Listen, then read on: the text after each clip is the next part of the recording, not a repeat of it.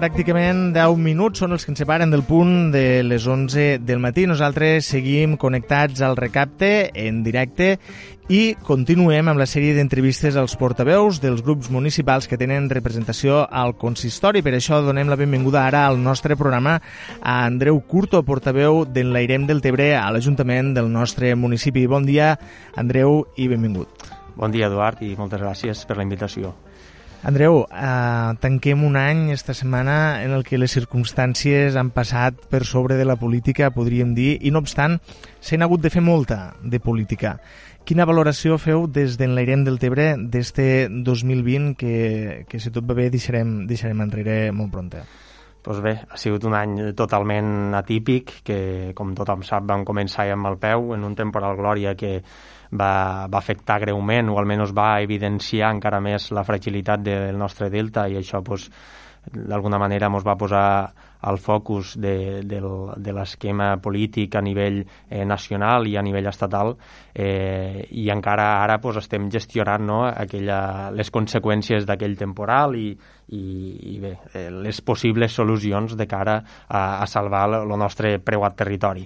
Per tant, d'una banda això, que ens va de doncs, doncs va trasbalsar en aquell moment, que ens va afectar anímicament i que, i que no obstant, doncs, seguim treballant per a posar-hi solucions. I d'altra banda, doncs, allò que tot, tot el món ha viscut, no? que és la, la Covid-19, que ens ha trencat tots els esquemes, que ens ha obligat a repensar-ho tot, que que d'entrada pues, anàvem molt, molt a fosques perquè no sabíem per a quan n'hi hauria, quines serien les afectacions reals i per tant pues, eh, treballar des, del, des de les institucions eh, públiques, des de les administracions sense tindre previsions de futur és molt complicat. Mm -hmm. Per tant, ens hem hagut d'adaptar a la situació eh, i dins del que cap, pues, en encerts i en errors, pues, ho, han pogut, ho han pogut solventar.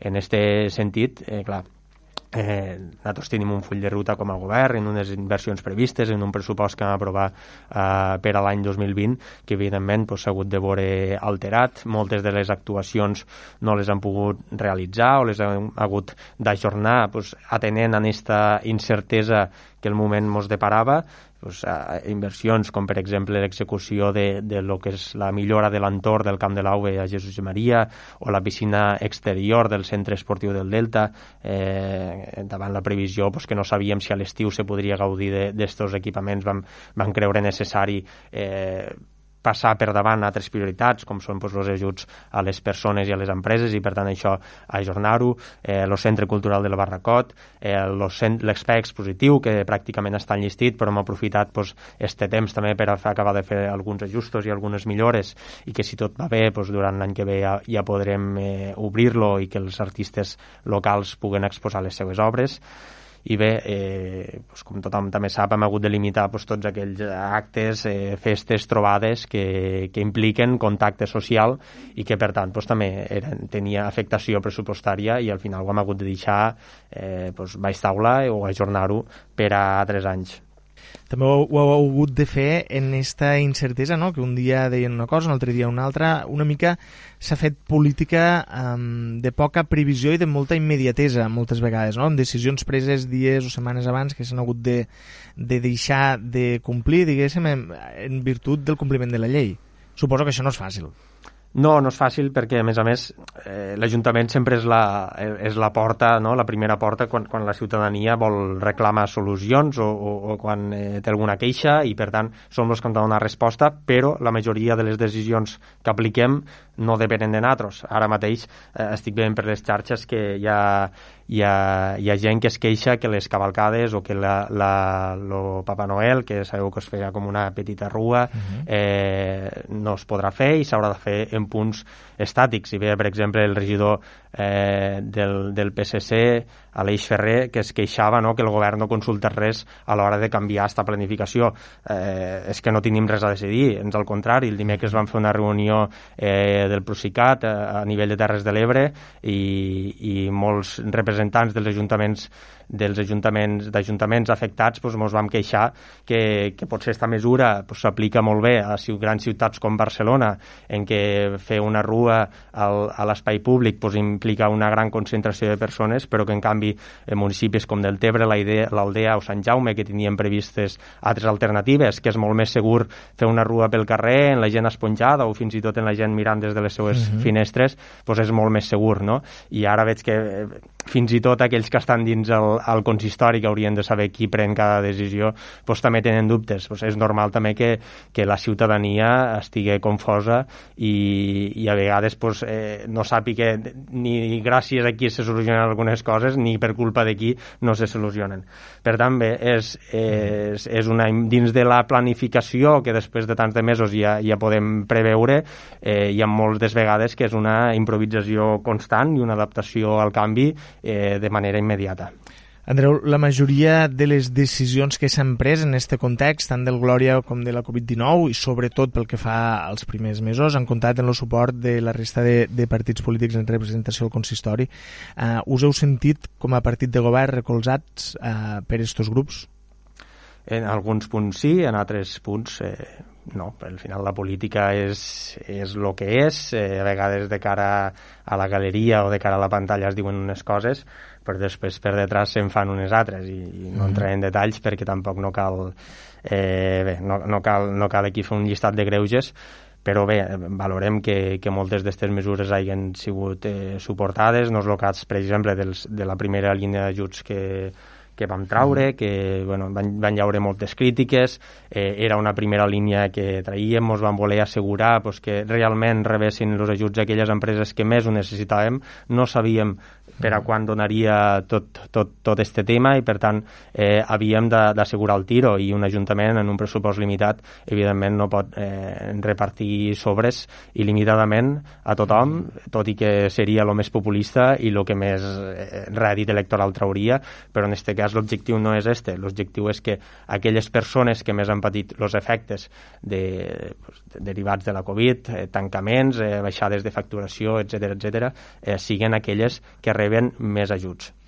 Per tant, en esta primera, en esta primera fase d'ajuts, que van ser les més criticades, perquè, pues, com mm -hmm. sempre, no? diuen que es demana molta, molta documentació. Molta paperassa, no? Dient. Això també recordo l'anterior legislatura, no? que, que hi havia eh, membres de l'oposició que també diuen que els ajuts als tributs locals, que es van implantar per primera vegada, o els ajuts d'urgència social, se demanava molta documentació, però és que al final estem parlant de, de diners públics que, mm -hmm. que quan s'otorguen en ajuts o en subvencions és perquè hi ha una necessitat detrás i per tant no es tracta de a veure qui reparteix més diners, sinó d'ajudar aquelles persones que més ho necessiten.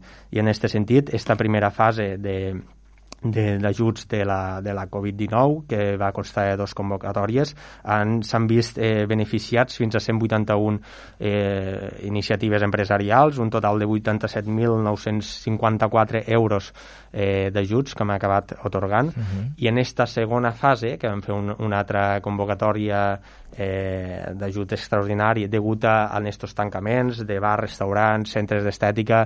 Podem recordar pues, tots tancaments estos... perllongats que primer no estaven previstos no estava previst que dures tant no? i és el que parlàvem que una mica s'ha hagut de fer política eh, de, una mica d'al·luvió és a dir, allò que arribava pues, a partir de allò que arribava fèiem política no? exacte, nosaltres teníem aquests ajuts més a llarg termini que va ser la primera fase que inclús van fer dos convocatòries perquè eh, bé, hi havia eh, comerços o negocis que potser la primera primera part de l'any no es van veure tan, tan afectats, però, però que a la segona part de l'any sí, per tant van fer aquesta segona convocatòria que a partir de l'octubre poguessin presentar, però a més a més este tancament extra i van fer una convocatòria, una convocatòria extraordinària d'ajuts. Mm. Pues bé, 67 eh, iniciatives o 67 sol·licitants han vist atorgats aquests ajuts, que suposa pues, quasi 50.000 euros d'ajuts. Per tant, han posat les mesures necessàries perquè sabem que l'Ajuntament al final no suplirà tot el que han, tot el que han perdut aquestes persones, tot el que han deixat d'ingressar, però com a mínim eh, un, un, un respiro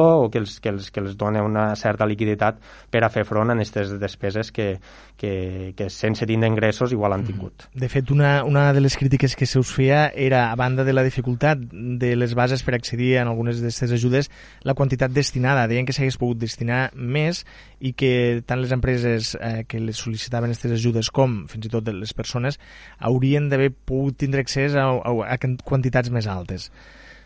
Bé. Suposo que, que per això una mica també les, les següents línies de subvencions i ajudes. Bé, la segona línia, de fet, ha sigut per, per aquesta situació extraordinària de tancament, mm. però la primera línia, tot i hi haurà dos convocatòries, els supòsits eren els mateixos. Mm. Aquelles persones que han rebut menys import ha sigut perquè també han tingut una major facturació o perquè la seva afectació ha sigut eh, inferior. Mm. Recordem que, per exemple, el sector de la restauració és evident que es va veure molt, molt eh, perjudicat a la primera part de l'any, Setmana Santa recordem que mm. estaven tancats, però, per exemple, a l'estiu pues, va haver una molt bona campanya en aquest sentit, el sector turístic, el sector de la, de la restauració, per tant, el que es va perdre per una banda es va compensar per l'altra. És per això que potser hi ha, hi ha eh, iniciatives empresarials que finalment no han tingut les pèrdues que es van preveure i, per tant, eh, no han necessitat tant d'ajut, però hi ha moltes altres iniciatives que, que entre el que són la supressió de taxes de, en quant a ocupació de via pública per a, per a terrasses o la, la rebaixa la rebaixa d'aquestes taxes. I el que són els ajuts han rebut fins a 3.000 euros i d'aquests casos los, uh, los, ha, los ha hagut. Per tant, eh, bé, al final no es tracta de a veure qui és el que reparteix més, sinó de, de donar a cadascú allò que realment necessita. I pel que fa a la, a la documentació també he de dir, per això abans dia no, que ens hagués agradat eh, ja està bé no? dir de cara, de cara a la gent que s'està al costat del govern, però en cert sentit també ens hagués agradat un suport real. Eh, mm. S'ha anat corrent la veu moltes vegades i, i que, escolta, vostè no, no cal que vagi a demanar l'ajut perquè no li donaran res. I després hem anat a tocar en este comerç, en esta persona, i resulta que, que, tenia, que tenia un que import incidir. prou elevat, saps? Que eh, des de la gestoria o des del o des d'aquella persona que la va assessorar eh, malament assessorada al nostre entendre pues se li va generar unes molt baixes expectatives que després, com l'hem ajudat eh, resulta que, que sí que realment tenia un, un bon ajut i ara pues, esta, abans de Nadal pues, que ens agrada parlar als comerços i hem anat fent una mica de, de campanya a nivell de, uh -huh. de comerços d'anar-los a parlar, preguntar com estan anant les coses, pues, ens trobem els comerços que s'han pues, trobat en aquesta situació no? Um, abans de l'entrevista que estem realitzant ara mateix hem tingut a Joan Alginet i també hem tingut a l'Eix Ferrer, representants, tots dos portaveus, eh, Joan d'Esquerra Republicana més del Tebre, l'Eix Ferrer de Socialistes per del Tebre PSC. Eh, tots dos eh, T'ho dic perquè potser ara haurem de respondre algunes de les qüestions que han llançat a l'aire eh, els altres portaveus dels grups, parla, dels grups polítics representats a, a l'Ajuntament. Eh, han criticat, en certa manera, tots dos, la, que, que un govern en majoria absoluta des del seu punt de vista no, no l'habilita per prendre decisions de manera unilateral. Han, han dit que en alguns casos s'han sentit utilitzats perquè consideren que no se'ls ha consultat algunes decisions que només se'ls ha tingut en compte, o majoritàriament se'ls ha tingut en compte, per avalar decisions impopulars, com ara la suspensió de les festes o del Tafira, i no per altres decisions que potser eh, també haguessin, en paraules d'ells, els hagués agradat que, que els haguéssiu consultat. Eh, què n'has de dir d'això? No, primer m'agradaria conèixer quins són aquests exemples de decisions, de decisions que, que no se'ls ha consultat, perquè pràcticament totes les decisions importants que hem anat prenent eh, pues, s'ha anat, anat, anat parlant en l'oposició i no descarto pues, que alguna cosa potser no s'hagi tirat perquè és aquesta immediatesa, a vegades dona resposta sense, sense, sense allargar-ho més el temps.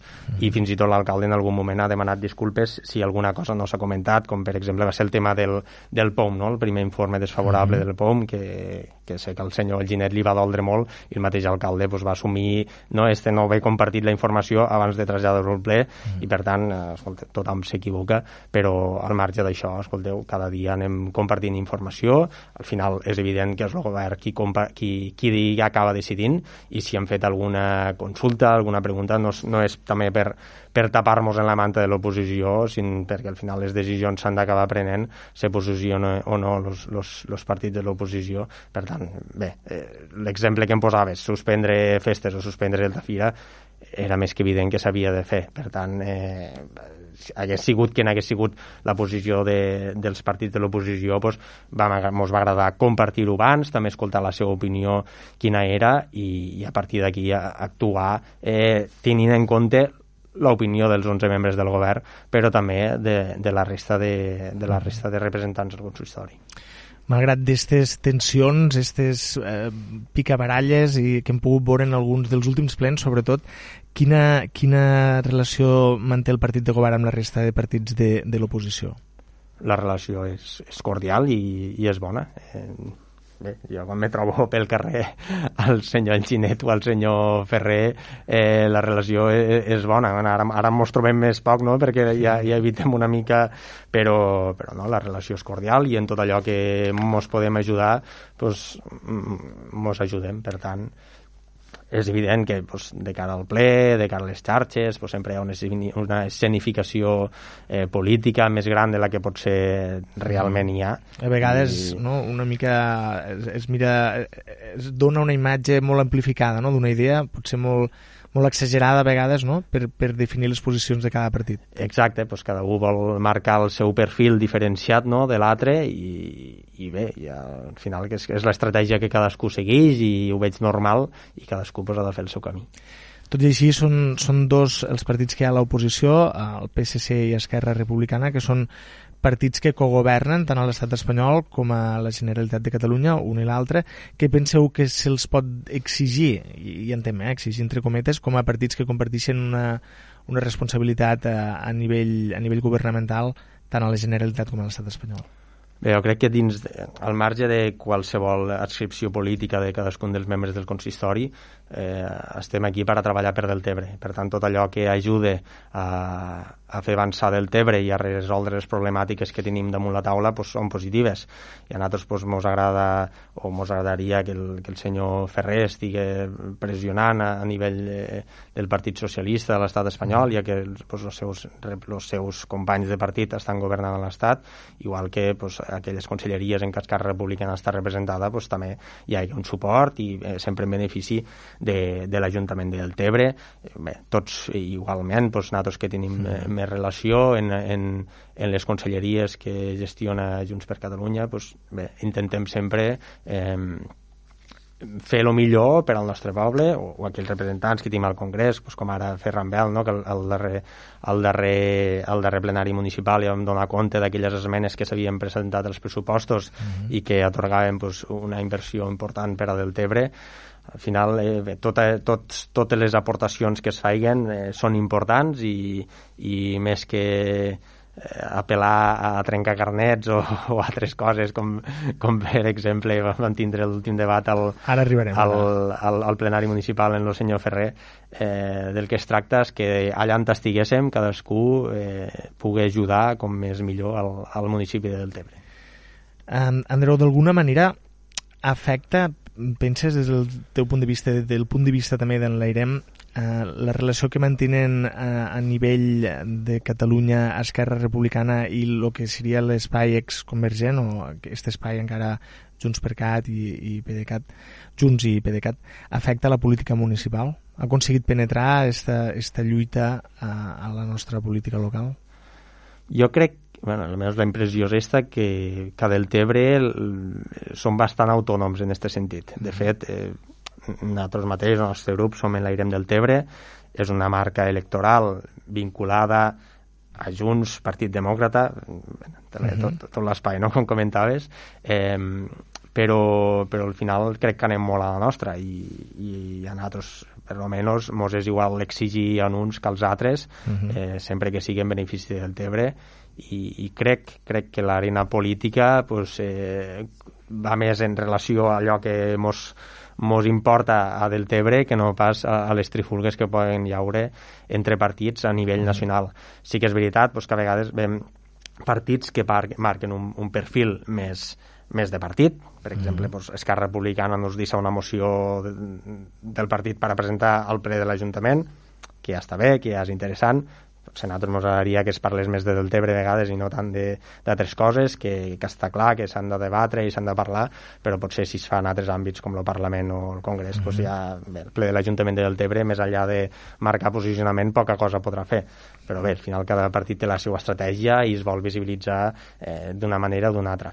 Però crec que el debat a Deltebre està bastant centrat en Deltebre. De cara a les eleccions del 14 de febrer, ja les tenim aquí, les tenim a la vista, totes les enquestes apunten a una victòria d'Esquerra Republicana. Ja sabem que les enquestes, enquestes són, i com dia aquell es carrega el dimoni. En cas que Esquerra Republicana eh, aconseguís guanyar aquestes eleccions, com serien les relacions d'un ajuntament que té majoria absoluta, eh, en aquest cas de, eh, en l'Airem del Tebre, que és, com deies tu, una marca eh, d'aquest espai convergent en, la, en el nou govern de la Generalitat? pues bueno, igual que ha sigut fins ara, eh, creant complicitats, eh, exigint quan calga, i això ho han fet ara i, i no ho deixarem de fer en cap moment. Tenim un alcalde que, que per sort pues, eh, sap moure's en molts, en molts ambients. De fet, ara mateix pues, és president també de l'Associació la, de Catalana de Municipis mm -hmm. en, i, a més a més, té un executiu a, a l'entitat format per diferents partits, eh, Junts, Partit Demòcrata, Esquerra Republicana, eh, fins i tot socialistes. Per tant, eh, bé, si una cosa té l'alcalde és aquesta versatilitat en, en, quant a, en quant a contactes, en quant a, en, en quant a anar a qui calgue per, per quan se tracta dels interessos de Deltebre Ebre. Per tant, doncs, possiblement les simpaties canviaran o seran diferents o, o el tracte no serà el mateix, però nosaltres seguirem treballant per Deltebre com hem fet fins ara. Andreu, el passat 2 de desembre se va celebrar l'última sessió plenària de l'any, una sessió en la qual se van tractar 34 punts, una mica per deixar l'any ja enllestit i encara uh, l'any 2021. Uh -huh. D'estos 34 punts, que no, repass, no els repassarem tots, no cal, no però cal. no cal perquè ja, ja els vam poder escoltar uh, a la sessió plenària i a més a més alguns eren punts que veníem arrossegant d'altres sessions plenàries i vaja, i una mica es van acabar d'explicar de, de, i de, de definir. Però sí que m'agradaria destacar-ne uns quants, com ara, per exemple, el punt en què es tractava l'aprovació definitiva del reglament per a determinar la condició d'habitatge desocupat en caràcter permanent, a efecte d'incentivar la incorporació al mercat de lloguer. M'imagino que amb el supòsit, amb la previsió que quan entraran al mercat de lloguer tots esta, tota aquesta quantitat d'habitatges desocupats que hi ha al nostre municipi, els lloguers es regularan i baixarien una mica, permetent així que molts joves, o, o no cal que siguin joves, eh, es puguin emancipar o que algú que necessita viure sol ho pugui fer que avui en dia costa trobar un lloguer econòmic al nostre poble. En quin estat es troba aquesta moció? És, és així, bé, de fet això ja va ser l'aprovació definitiva perquè uh -huh. va passar el seu període d'exposició pública, se van presentar moltes al·legacions i ara pues, se van resoldre en aquesta aprovació definitiva i per tant el reglament és vigent i ara per tant ja es pot cobrar este recàrrec, que implica del 50% en l'IBI, aquells grans tenidors que tenen habitatges buits a Deltebre. Mm -hmm. Quin és l'objectiu? Eh, pues és el que comentaves, no? A Deltebre tenim un gran part d'habitatges buits, hi ha molts blocs que estan buits o que estan per acabar i, tots només cal sortir al carrer per a veure-ho, mm -hmm. però en canvi hi ha molta dificultat per a trobar un habitatge a un preu assequible o, o, inclús per a trobar-ne al mercat de lloguer per a una família pues, normal del, del nostre poble. En este, en este impost o en esta, en esta, en este recàrrec de l'IBI d'una banda pues, incentives a que estos grans, a que estos grans tenidors no tinguen, eh, és a dir, que no els siga igual deixar l'habitatge buit per acabar, sinó que tinguen aquest incentiu a posar-lo en lloguer perquè si no sempre saben que, que tindrà un recàrrec del 50% a l'IBI tots els anys. Per tant, eh, bé, tens aquesta doble funció. Primera, ingresses més, ingresses més, més impostos i per tant són ingressos per a l'Ajuntament de Deltebre que majoritàriament són de grans tenidors, de mm. bancs, de, de promotores, etc etc i per tant doncs, no afecta directament a la, a la gent del poble i, i d'altra banda incentives a que aquells que no volen assumir aquest recàrrec doncs, facin un esforç per posar al dia aquests habitatges i treure'ls al mercat de lloguer o bé eh, vendre'ls. Quin, quin estat el problema en, en l'habitatge al nostre poble? Es va construir massa, potser aquells anys del boom? Bé, jo crec que és un problema generalitzat, no? Se va veure una oportunitat eh, de negoci en, en l'especulació dins, dins el mercat de lloguer, això ben gestionat i en una, i en una anàlisi acurat i, i, i atenent a les necessitats del moment pues, pot anar molt bé, però a Deltebre, igual que a molts altres llocs, pues, bueno, la cosa se mos va escapar una mica de les mans, el sector de la construcció pues, sabem que a Deltebre és, era molt ampli, hi havia moltíssimes empreses dedicades a construcció que després pues, han pagat entre tots les conseqüències no? i moltes famílies pues, van patir durament els efectes d'aquella crisi i, i per tant, bé, quan se pren un negoci i no s'analitza bé el, el mercat, doncs pot passar això, que moltes de les, de les actuacions doncs, se queden a mitges o realment no acabin complint les, en les expectatives que, que s'han generat al principi pot ser que, eh, i disculpa que insistisc en aquest tema, però crec que és un tema que preocupa bastant sobretot a, la joventut del municipi que es vol emancipar. Podria ser que els grans tenidors als quals va destinat este, este reglament eh, preferisquen pagar este recàrrec abans de posar els mercats, als mercats dels habitatges al mercat de lloguer i així d'esta manera pogués seguir especulant, esperant el moment que tornen a pujar eh, els preus? Això les empreses hauran de valorar-ho. Ells tenen més mitjans per a mm. fer els seus estudis econòmics que no pas dir l'Ajuntament de Deltebre, però... De em referia fet... més a si us sí. heu marcat un termini de dir, pues, si en dos anys la situació és la mateixa i només paguen eh, el recàrrec de l'IBI i en canvi el, el lloguer no baixa, els preus del lloguer, doncs recarregarem més o, o farem un pas més?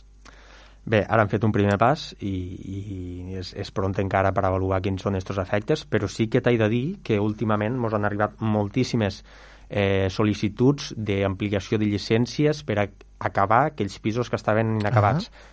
Ahir mateix, i revisant el registre, teníem pues, eh, sis o set sol·licituds de bueno, empresa important, que no diré quina és, per a, que té diferents immobles al municipi i demanen llicències per acabar aquests pisos que, que, que es van quedar mitges en aquella època de la crisi, que més hi ha una disposició addicional que permet recuperar aquelles llicències eh, i de fet acaba este, este final mm -hmm. d'any per, a, per a reconstruir aquells habitatges, mm -hmm. inclús aquelles estructures que s'han quedat que s'han quedat... Eh, aigües fora, aigües fora, molt bé.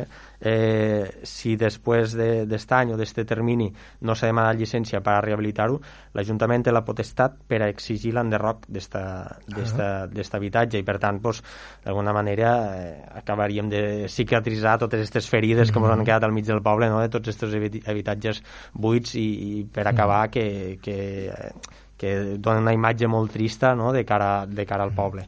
Per tant, un primer efecte eh, pues crec que és este, no? que moltes, molts, molts, eh, moltes promotores ja han demanat llicència per a mm -hmm. finalitzar estos, estos blocs, que és important. Bé, veurem com, lo que, com acaba donant eh, en els propers anys. Suposo que serà un, un dels punts que se seguiran de prop si l'any que ve podem, pod, podem viure una, una situació política normal, no? Vull dir, quan una vegada deixem si és que podem de treballar tant eh, sobre la Covid, per exemple, i puguem destinar els esforços a, a controlar altres coses, m'imagino que tindreu un bon parc d'habitatges eh, a preus decents és, haurà de ser una prioritat d'aquest govern i de qualsevol govern que hi hagi al municipi. Correcte. Nosaltres sí que les mesures o les, els instruments que té un ajuntament pues, són bastant limitats en quant a, este, a l'afectació dins d'aquest sector, però bueno, hem trobat aquesta mesura que també legalment pues, estava en dubte, molts ajuntaments fins i tot se va portar a contenciosos, però després mm. se va acabar resolent que els ajuntaments poden, fer, poden aplicar aquests recàrrecs i per tant eh, a Deltebre, a Deltebre ho van fer però en fi, igual com qualsevol política pública que, que impulsem des de l'Ajuntament, després se fer una anàlisi, una valoració i es modifica allò que calgui per, a, per arribar a l'objectiu. Un altre dels punts que es van parlar al ple van ser les noves bases d'ajuts a la recuperació econòmica que afecten tant persones com teixit empresarial. Va obrir diferents línies noves d'ajut. De, quants, de quants diners estem parlant que hi havien pressupostats per a aquestes línies d'ajut? Ara mateix no, no sabria dir l'import l'import eh, l'import total de, del que són els ajuts però sí que, bé, podem, en base al que vam atorgar en estos, en estos últims anys, pues, podem, podem dir que, que el 2020 hem atorgat, eh, en quant a ajuts als tributs locals, 113 ajuts, això són 113 famílies mm -hmm. beneficiades, són pues, eh, 25.000 euros, ajuts d'urgència social, fins a 19, això doncs, són aquelles necessitats puntuals, doncs, per exemple, una família que doncs, se'ls ha, se ha trencat la nevera, per exemple, mm doncs, això és un bé bàsic i essencial i per tant s'ha de canviar, doncs, l'Ajuntament eh, finança aquests ajuts. Eh, unes ulleres d'un xiquet que s'han de canviar, o fins i tot aquelles... Eh, aquells, aquelles famílies que tenen un xiquet o una xiqueta que volen anar a extraescolars, al futbol, per exemple, mm. o a l'escola de música, i no tenen recursos per a pagar la quota o la matrícula. Pues, mm. També entra en aquest sentit. O els ajuts a la connectivitat, que, que pues, sabem que és important no? en, en el temps que estem poder seguir online aquestes classes en, clas en, casos de, en cas de confinaments eh, de grups, per exemple, i tot això. Pues, van fer 12 connectivitats en, en habitatges en famílies de Deltebre, o també els ajuts de l'Eurodelta, que fins al moment s'han pues, vist beneficiades ja 42 famílies, que a més a més, com te dia ara parlant en els comerços, pues, ho han notat perquè sabem que és un, un ajut de, de doble, que té un doble objectiu. Mm -hmm. D'una banda, beneficiar aquelles famílies que, que no, hi ha molta gent que, que, que ells potser pensen que no són objecte d'aquest ajut. Eh, a mi, pues, jo, a mi no em toca, o jo però no, aquests ajuts són avant, al marge dels que ja hem anat donant aquests últims anys de tributs locals o d'urgència social i per tant afecten a famílies que potser eh, no, ells no es consideren no, una família vulnerable uh mhm. -huh. però sí que estan patint dificultats per, a, per, a, per afrontar el dia a dia que han tingut pèrdues perquè, han, per, perquè s'han trobat en un ERT o perquè han perdut la seva feina o per X motius no, que ens ha portat tota, tota pandèmia uh mhm. -huh. i que per tant s'hi poden acollir per tant jo animo a totes les famílies que es miren bé les bases, que vinguen a l'Ajuntament i que ho pregunten perquè, perquè moltes persones potser es pensen que a ells no els toca, però realment eh, pues sí que es poden veure beneficiats. No? I ara parlant dels comerços, pues, eh, molts eh, han vist s'han vist realment beneficiats per aquests ajuts, moltes persones que veuen que paguen en eurodeltes pues, perquè potser no es podien permetre renovar-se pues, les sabates dels crios per, a, per, a, bueno, per, a, per al dia a dia o comprar-se roba o el que sigui, pues bé, com que ja no es tracta només d'aliments eh, frescos o coses així, sinó que són altres articles que són necessaris per al dia a dia, pues, bé, eh, acaba beneficiant a, a moltíssima gent.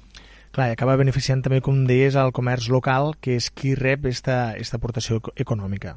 Correcte, correcte, perquè t'assegures que aquella despesa s'acaba fent al comerç local de proximitat. Per tant, eh, si heu rebut feedbacks tant de les famílies com dels comerços, que la iniciativa ha, ha tingut bona acollida. Sí, sí, sí, sí, sí, així és i, i, i és el que et dia ara, parlant dels comerços, en aquesta mm. campanya que han fet en aquests últims dies, pues, eh, la resposta ha sigut molt bona i ho estan notant. Se va parlar eh, també a l'últim ple que l'Eurodelta venia per a quedar-se? Suposo que es mantindrà mentre la situació no, no millora, diguéssim, i això pot ser bastant de temps. Sí, no, i fins i tot, encara que, que la situació eh, derivada de la Covid acabe, acabe millorant i tot això s'acabe, que esperem que sí, doncs creiem que és un bon sistema d'ajut directe per a la gent. No? És a dir, igual que tenim els ajuts als tributs locals, els d'urgència social, la Covid, eh, o sigui, l'eurodelta, doncs, pot quedar-se com a ajut o, o, o, o no ho sé, és, és, és un bon sistema, de, és a dir, garantixes esta, esta doble vessant, no? el benefici a les persones que ho necessiten i el benefici als, al comerç local, que també està en una situació molt complicada. Per tant, eh, bé, no descartem que sigui uns ajuts que, a pesar del Covid, a pesar de que tot això s'acabe, puguem mantindre's igualment a Deltebre. Un dels punts, sense dubte, polèmics de l'últim ple va ser el nomenament del jutge de pau titular del municipi de Deltebre. Es va nomenar a Salvador Bertomeu. Els partits de l'oposició, tant el PSC com Esquerra Republicana, hi van votar en contra i van posar en dubte la imparcialitat del nou jutge de pau. Um, Andreu, abans que m'expressis la teva opinió respecte a aquest tema, um, en quins aspectes pot influir la tendència política d'un jutge de pau en el desenvolupament de les seues tasques? Bé, doncs, com en qualsevol persona és que és relativament poc, i menys tractant-se de política local, no? en què al final el viatge ideològic pues, eh, bé, la, la línia és, és, és molt fina i tampoc no... És a dir, un jutge de pau no té funcions de fiscalització política ni si mai algun dels membres del govern se veiés implicat en algun assumpte eh, no seria el jutge de pau qui, qui, qui, qui acabaria jutjant o qui acabaria intermediant en este fet. Per tant, eh, l'excepció política d'esta persona mm, bé, doncs l'afectació és mínima i pot ser la, la mateixa que tingui qualsevol persona del carrer, perquè al final doncs, tots tenim les nostres idees i tots pensem com pensem i no pel fet de que, de que el senyor Bertomeu hagi sigut regidor en, en, en l'actual equip eh, pot influir en, la, en el seu criteri a l'hora d'emetre judici en aquest sentit. Seria diferent en, en el cas del, del síndic o la síndica de greuges. En aquest cas sí que és important que la persona mantingui una imparcialitat política, perquè tenen una tasca que, que al final és una fiscalització també de, del govern. El síndic o la síndica de Greuges, d'alguna manera, és, eh, és un altre braç de l'oposició, per dir-ho d'alguna manera, perquè quan el govern no actuarà correctament o qualsevol de les, de les, dels organismes que depenen de l'Ajuntament no actuarà Eh, correcte, d'acord al criteri d'un ciutadà o d'una ciutadana, pot recórrer al síndic o la síndica de greuges. Per tant, aquí sí que és important que aquesta persona eh, tingui la mínima vinculació política en el govern. Però en el cas del, del jutge de pau eh, és que tampoc no, no m'han sabut posar cap exemple els membres de l'oposició en què el criteri d'esta persona pogués influir negativament eh, a l'hora de, de, quals, de tractar qualsevol assumpte eh, privat entre, entre ciutadans. Tot i que aquest nomenament i vaja, se, potser s'hagués pogut evitar aquesta eh, polèmica nomenant un altre jutge de pau o, o vosaltres ja assumiu que aquesta polèmica persistirà durant, durant tots els anys que el Salvador Bertomeu exerceix el càrrec. Ho assumiu i, i penseu que és millor assumir-ho que no pas que exercís que una altra persona este càrrec? Bé, al final, el eh, càrrec de jutge de pau, l'alcalde porta la proposta al plenari, però és oberta a qui vulgui, i totes les mm. persones pues, que no complisquen en cap dels, de les incompatibilitats poden presentar la seva mm. candidatura i es van presentar les que es van presentar. Per tant, s'ha de parlar en tots i cadascun d'ells i, i van veure bé la proposta que, que feia l'alcalde que fos Salvador Bertomeu qui, mm. qui, qui, qui fos la, la candidatura presentada finalment. Per tant, eh, bé, si hi havia alguna candidatura que hagués pogut generar més consens, mm, tampoc no la, no la tenim. No, ningú m'ho l'ha fet arribar, ningú m'ho ha fet cap proposta. Mm -hmm.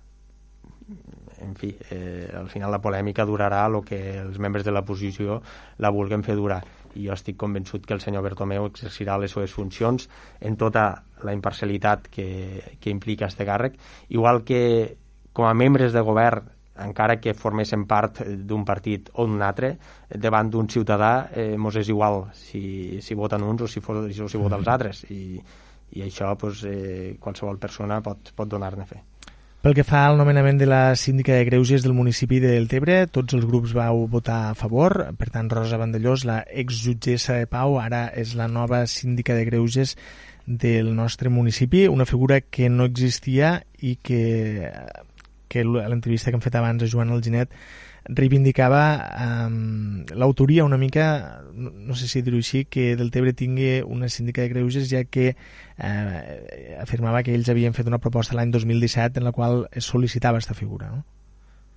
No, no, no, sé no, no de, de fet, l'any 2017 s'aprova el reglament que regula la figura del síndic de greuges, per tant, iniciativa del govern de, de Lluís Soler, del, del primer govern eh, és a partir de les eleccions, a més del Tebre entra, entra en l'escena política a partir del 2019, en les últimes eleccions, i llavors ells presenten una moció dient eh, que el nomenéssim este, este síndic, este síndic o esta síndica de greuges. Per tant, la iniciativa ve del 2017, el que sí que el nomenament no s'ha plantejat fins ara, precisament per això, perquè no havíem trobat la persona que, que, mm -hmm que arribés a complir no, les, les, les funcions de la manera que creiem que Rosmari ho acabarà fent i així va ser valorat al ple positivament que potser fa dos anys eh, no haguéssim trobat este perfil i a més a més Rosmari pues, tenia unes altres responsabilitats que com sabem és la de, la de, la de jutgessa de pau per tant, eh, bé, sí, jo puc agafar el programa electoral de, de l'Airem del Tebre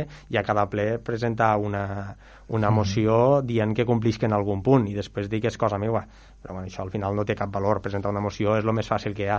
Lo, complicat i el que té mèrit és, és aprovar-ho i posar-ho en valor. A la, al plenari la, se, la senyora Fabra, portaveu de, de més del Tebre dia, arriben dos anys de retard, dos anys de retard. Eh, fa 43 anys que tenim municipi a, a del Tebre i mai ningú pla havia plantejat aquesta iniciativa i si s'impulsa és perquè el govern de Lluís Soler va aprovar un reglament i ho va, i ho va implantar. Ara fem l'anomenament, que és el següent pas. Per tant, bueno, dir que és cosa d'ells, doncs no ho sé. Jo el 2017 no recordo que, que, que, que ells proposessin una, esta, esta iniciativa.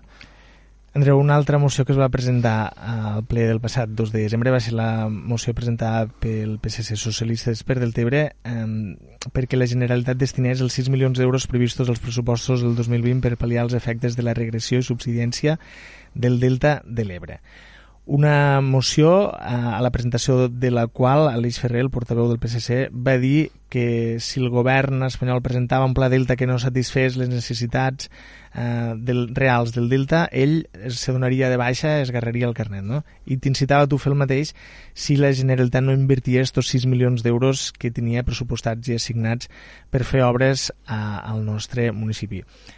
Um, en aquell moment tu no vas, no vas recollir el guant, vas dir que no, que no es tractava de, de temes de carnets o d'afiliacions polítiques, sinó de sensibilitats, no? si no recordo malament. De... Sí, no, és que de fet el que li vaig contestar és que jo no milito a cap dels partits que actualment governen la Generalitat, per tant tampoc no em puc sentir corresponsable uh mhm. -huh. d'una d'esta decisió, perquè no puc esgarrar un carnet que no tinc.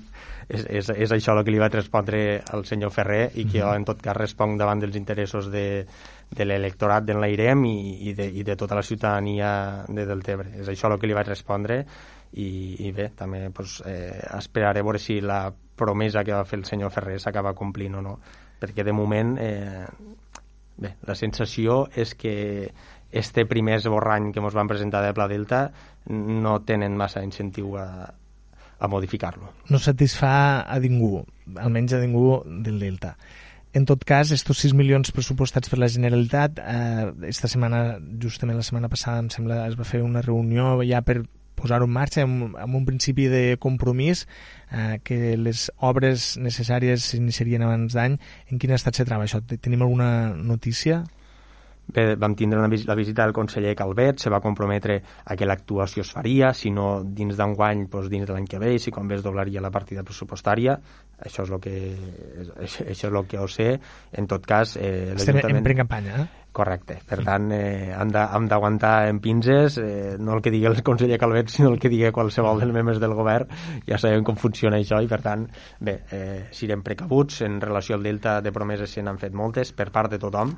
Per mhm. tant, eh, igual com vam dir al, al, plenari, al plenari municipal, i el que li retraiem al, al senyor Ferrer en, en aquella moció que presentava no era que reclamés estos 6 milions d'euros a la Generalitat, que de fet eh, l'alcalde ho fa dia a dia i nosaltres ho fem i així ho vam expressar i de fet van votar a favor de la moció perquè els -hmm. punts eh, el que demanaven era eh, exigir a la Generalitat la, la inversió d'estos 6 milions d'euros estem eh, tot meridament no? d'acord per tant en això no hi ha cap dubte el que sí que vam, eh, que vam eh, dir-li al senyor Ferrer és que eh, tenim una taula de consens que està formada per tots els ajuntaments del Delta i més les dues comunitats de regants i que eh, hem iniciat pues, un camí precisament de consens i en què totes aquelles iniciatives que afecten pues, a la preservació del delta mm. mos agrada anar a una i mos agrada presentar iniciatives eh, de manera conjunta i de mm. manera acordada. A més a més, és una taula de, de consens en què se veuen representats eh, doncs bé, la, la gran part del, de l'arc eh, parlamentari eh, dels partits polítics catalans. No? Hi, ha,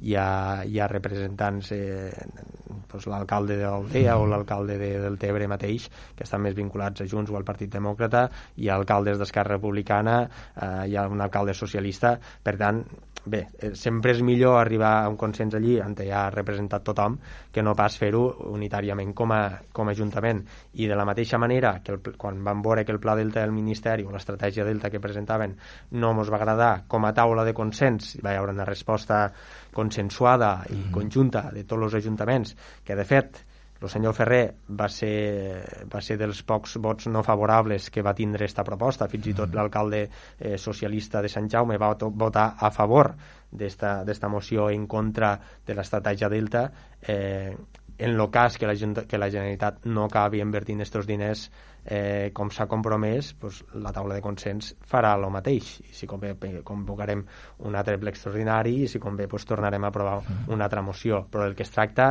és de no trencar este camí d'unitat i de consens que hem agafat entre, entre tots els ajuntaments, que, que crec que és una fita històrica i que és important mantindre-ho.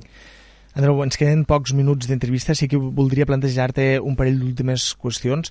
Uh, una qüestió que últimament cueix molt les xarxes socials és què ha passat amb el lleut del Chino Chano que d'un dia per l'altre uh, per a la gent del poble ha desaparegut.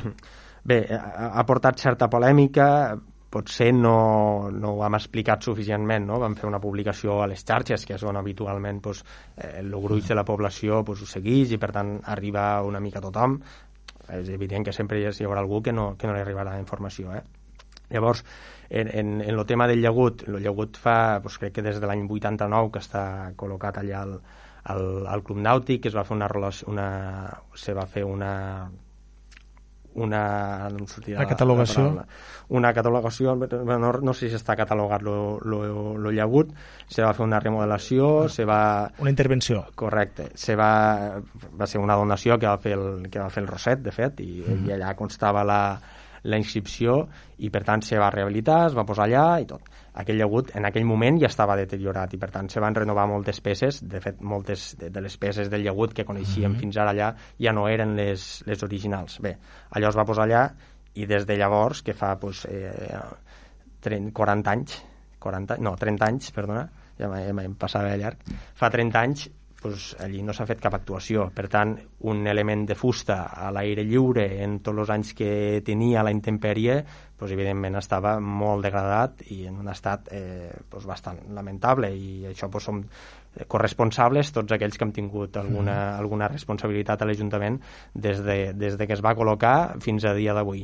Bé, havíem de prendre una decisió en què fer, perquè a nivell d'imatge pues, eh, l'estat de degradació era important, a nivell del manteniment de la, del propi element patrimonial pues, també allò estava caient a trossos, que qualsevol eh, ventada o qualsevol pujada del riu pues, allò se ho podria emportar, per tant eh, vam haver de prendre una decisió i, i a més va ser una proposta també de l'associació esportiva Chino que fa, fa ús de l'espai i ens van demanar, escolteu, això aquí eh, a més ja de, de la nosa que fa perquè està en l'estat que està i dona la imatge que dona eh, al final acabarà caient i al final és, és, és més un perill que no pas un, posar en valor un, un element patrimonial d'este calat. Això ja fa anys que ho estàvem mirant mm -hmm. i vam fer una consulta ara mirava perquè he demanat a, a, al director del Centre d'Arqueologia Subacàtica de Catalunya mm -hmm. i la recomanació va ser eh, donar l'estat que estava aprofitar aquelles peces originals que poguessin conservar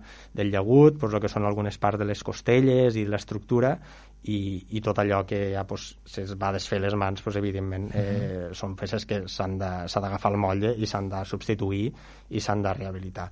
Eh, per tant, això és el que vam fer. Clar, és que um, un podria pensar, degut a la precipitació que s'ha percebut d'esta acció, no? d'este retirar el llegut, que no s'havia consultat a, a professionals de conservació del patrimoni. I no sé fins a quin punt eh, l'Ajuntament ha estat en tractes en diversos museus, com ara, per exemple, penso al Museu Marítim de Barcelona, per oferir-los aquesta peça com una peça centenària i representativa i, a més a més, un dels pocs elements del patrimoni eh, que tenim al poble no sé si eh, s'havia pensat eh, este, iniciar este tràmit o no, o la urgència era tal que es va apostar per, per retirar-ho i, última pregunta, si el tornarem a veure. Bé, de fet, la urgència no, no, no s'ha donat perquè de, de fet des de l'anterior mandat que és un tema que està, que està sobre la taula i es van fer aquestes consultes com, com dia el, el, diré el nom i tot del, del director del centre, el Gustau Vivar, que és director del Centre d'Arqueologia Subaquàtica de Catalunya, i la recomanació va ser esta, eh, desmantellar i aprofitar aquelles peces que es puguen per al dia de demà, eh, si algú té la iniciativa de rehabilitar-lo i restaurar-lo, pues, torna a posar, evidentment, totes les peces originals no es podran conservar, de fet, uh -huh actualment ja no estaven totes les peces originals, sinó que era pues, moltes, una, rèplica, una rèplica igual que el pont dels Moros, per exemple, que tenim a l'entrada sí, sí. de Riumar, no? que hi ha moltes peces que, que, són, que són refetes perquè no es van poder reaprofitar. Uh -huh. i en aquest sentit pues, bé, va ser l'actuació que vam, vam prendre lo fet, eh, clar, el que vam pensar al principi pues, escolta, agafem-lo una grua traslladem-lo pues, o a un magatzem o a un altre punt mm -hmm. més segur o, o canviem-li l'entorn perquè pugui... però és que eh, tal com estava el fet d'aixecar-lo pues, era un risc era un risc i mos hagués quedat pues, a les mans a més allò tenia una llosa de formigó baix bé, no sé, si en el moment també, en el seu moment se va avaluar que allò mm. havia d'estar tants anys a la intempèrie i tal. Per tant, ara s'han conservat algunes peces, les que s'ha pogut, i per tant sempre cap aquesta possibilitat de rehabilitar-lo. Dins d'esta legislatura no, és, no està dins del, del pla d'inversions, però bé, sempre, sempre tenim aquesta possibilitat de fer-ho.